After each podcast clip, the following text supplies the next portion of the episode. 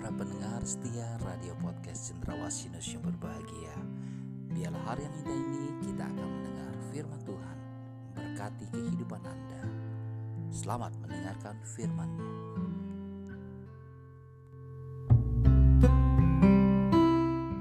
Halo Shalom, tidak pernah bosan? Kita selalu rindu mendengarkan podcast setiap hari. Apa ya yang akan kita dengar? Kita dapat apa? Tentunya pastinya saudara ingin sesuatu yang menarik, yang baik, ya, yang membuat kita uh, terinspirasi dan itu bisa jadi berkat buat bagi banyak orang. Dan kalau saudara juga diberkati, ya bagikan jangan sampai berhenti di tangan saudara dan saudara menyimpan. Bagikan supaya mereka juga diberkati. Tahu tentang isi firman. Itulah kegunaan kita uh, menggunakan media sosial ini. Media sosial ini tidak tidak mencari uh, apa royalty ya. Seperti kita mencari keuntungan banyak yang mendengar akan mendapatkan uh, reward gitu. Tidak. Yang reward kita harapkan adalah mereka bertobat percaya terima Yesus. Itu saja. Dan gereja-gereja saudara juga akan diberkati Tuhan. Dan semua yang mendengar juga diberkati Tuhan. Percaya pekerjaan yang paling sulit adalah berbagi berkat. Dan inilah kesempatan kita, mungkin tidak punya uang yang cukup banyak kita berbagi. Tetapi kebenaran firman ini akan sangat menginspirasi buat kita semuanya. Setiap malam kita mendengarkan, setiap malam kita membuka hati untuk dengar firman Tuhan dan jadi berkat. Nah tema kita hari ini adalah berita tentang perintah. Wow, perintah-perintah ini adalah sebuah suruhan ya, uh, juga bisa jadi paksaan. Jadi kalau kita nggak mau melakukan berarti kita melanggar. Tetapi Tuhan mau perintahnya itu dijalankan, perintahnya itu dilakukan. Mari kita lihat dalam Matius 22 ayat 34 sampai 40. Cukup panjang ayatnya, tapi saya akan membacakan buat saudara dan saudara bisa mendengarkannya. Ketika orang-orang Farisi mendengar bahwa Yesus telah membuat orang-orang Saduki itu bungkam, berkumpullah mereka dan seorang dari mereka, seorang ahli Taurat bertanya untuk mencobai dia. Guru, hukum manakah yang terutama dalam hukum Taurat? Jawab Yesus kepadanya, Kasihilah Tuhan Allahmu dengan segenap hatimu dan dengan segenap jiwamu dan dengan segenap akal budimu. Itulah hukum yang terutama dan yang ter pertama dan hukum yang kedua yang yang sama dengan itu ialah kasihilah sesamamu manusia seperti dirimu sendiri. Pada kedua hukum inilah tergantung seluruh hukum Taurat dan kitab para nabi.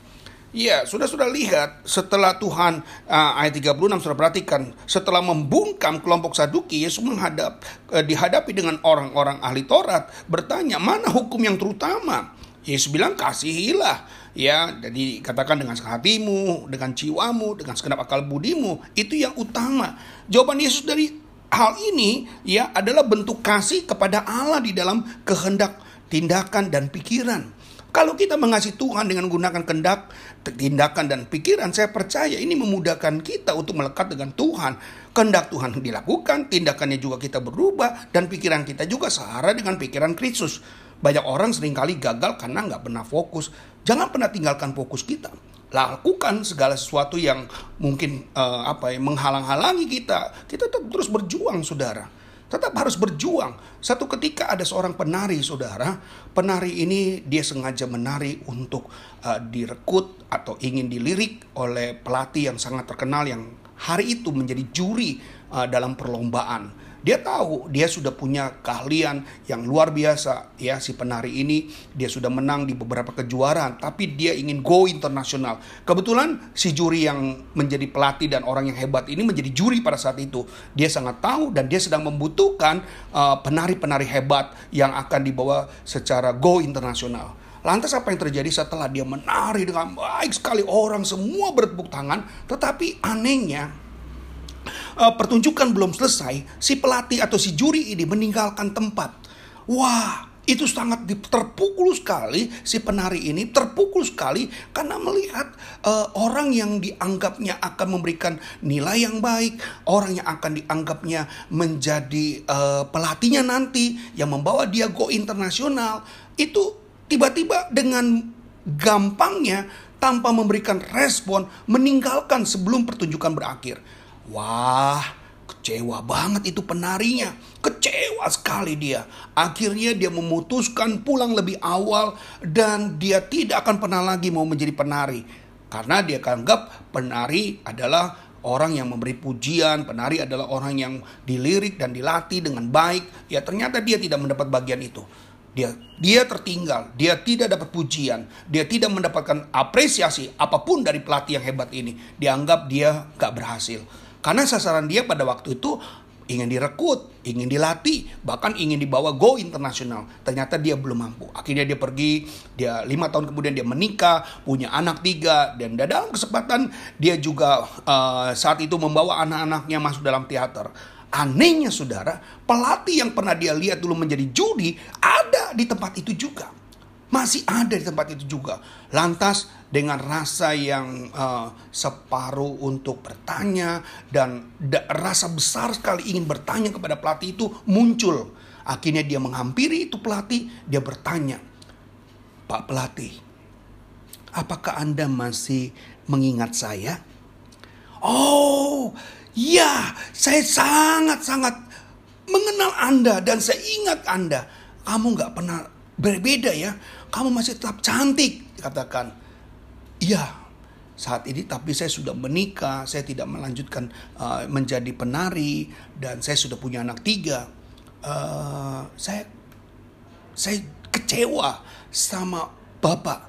Saya kecewa Kenapa pada waktu saya sedang tampil dengan segenap hati dan saya ingin uh, pelatih rekrut saya untuk go internasional, kenapa saya justru ditinggalkan dari tumpu uh, dari uh, tempat juri yang Bapak duduki? Iya, iya, iya, iya, iya. Saya ingat betul, saya ingat betul. Saat itu saudara, kamu nggak tahu apa yang saya lakukan. Seorang pelatih, dia sudah tidak perlu waktu 10 menit ataupun 20 menit untuk melihat seorang yang jago atau seorang yang sudah maksimal dalam menari. Saya tidak perlu. Dalam waktu beberapa menit saja, bagi saya adalah cukup untuk menilai seseorang. Dia adalah orang yang kompeten. Hah, kaget. Lalu kenapa pelatih meninggalkan tempat duduk penjurian pada waktu itu? Ya, saya mau mengambil kartu nama saya kartu nama saya tidak ada di dalam waktu saya tepat juri, ada di meja locker. Saya sengaja ke belakang dan pada waktu nanti Anda selesai, saya akan kasih kartu nama itu. Tapi pada waktu saya memberikan kartu nama itu, kamu udah nggak ada. Semua orang bilang kamu sudah pulang. Anda tahu, si penari itu kecewa. Kecewa untuk kedua kalinya. Dia keburu menebak, menebak. Dia keburu menduga, menduga. Saudara-saudara yang kasih dalam Tuhan, kisah ini sama dengan kita mengiring Tuhan kepada Tuhan untuk melakukan perintah Tuhan. Bayangkan, sebenarnya Tuhan memerintahkan kita untuk hal kebaikan, tapi kita anggap itu adalah suatu uh, Tuhan yang tidak pernah mendengar, Tuhan cuek dengan kita, Tuhan tidak peduli dengan kita. Saudara-saudara yang kasih dalam Tuhan, kisah yang tadi baru saya ceritakan, itu sangat mengandung berkat buat kita semuanya. Itulah keberadaan kita. Itulah kondisi kita. Seringkali kita menduga-duga ketika ada masalah. Dianggapnya Tuhan meninggalkan saudara. Ketika ada persoalan, saudara anggap itu Tuhan lupakan saudara. Sebenarnya tidak. Tuhan menunggu, Tuhan menantikan untuk memberikan pertolongan yang terbaik buat saudara. Tuhan sedang mempersiapkan penolong buat Anda. Tuhan sedang mempersiapkan dan perintah ini adalah penolong buat kita supaya kita tahu bagaimana kita bisa melakukan kehendak, tindakan dan pikiran. Sebuah kasih yang paling murni, suci, mulia dan tertinggi melibatkan pengorbanan Tuhan sehingga kebenaran dan tindakan kasih untuk layak dilakukan untuk Anda. Tuhan bukan sedang menunggu saudara menghold saudara, tidak. Dia sedang membuat satu rencana yang jauh ke depan lebih baik buat saudara. Kita dipanggil untuk mengasihi, ya, mengasihi diri sendiri, mengasihi sesama, mengasihi semua orang, mengasihi semuanya. Itulah yang terbaik yang Tuhan sedang usahakan. Hukum yang kedua juga tergantung pada hukum Taurat dan para nabi dalam kitab uh, ayat yang ke-40 tadi katakan. Inilah di mana keseluruhan kitab suci merupakan penjelasan di mana kasih Allah kepada kita telah diwujudkan dengan cara yang tidak dapat diukur dan dia memberikan Kristus. Saudara-saudara kita beruntung sekali mendapatkan Yesus sebagai penolong kita.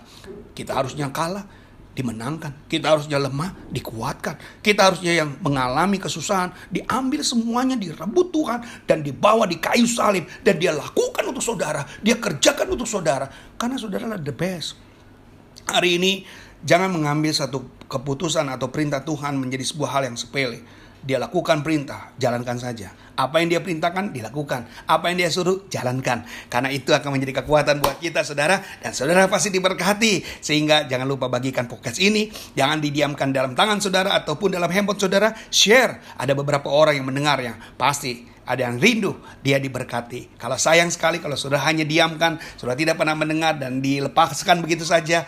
Ah, saudara, mari beruntung untuk kita bisa menjadi berkat kapan waktu, di mana waktu, dan setiap waktu. Tuhan Yesus pasti-pasti memberkati kita. Jalankan terus perintah Tuhan menjadi kemenangan buat saudara dan saya. Haleluya. Tuhan memberkati. Shalom.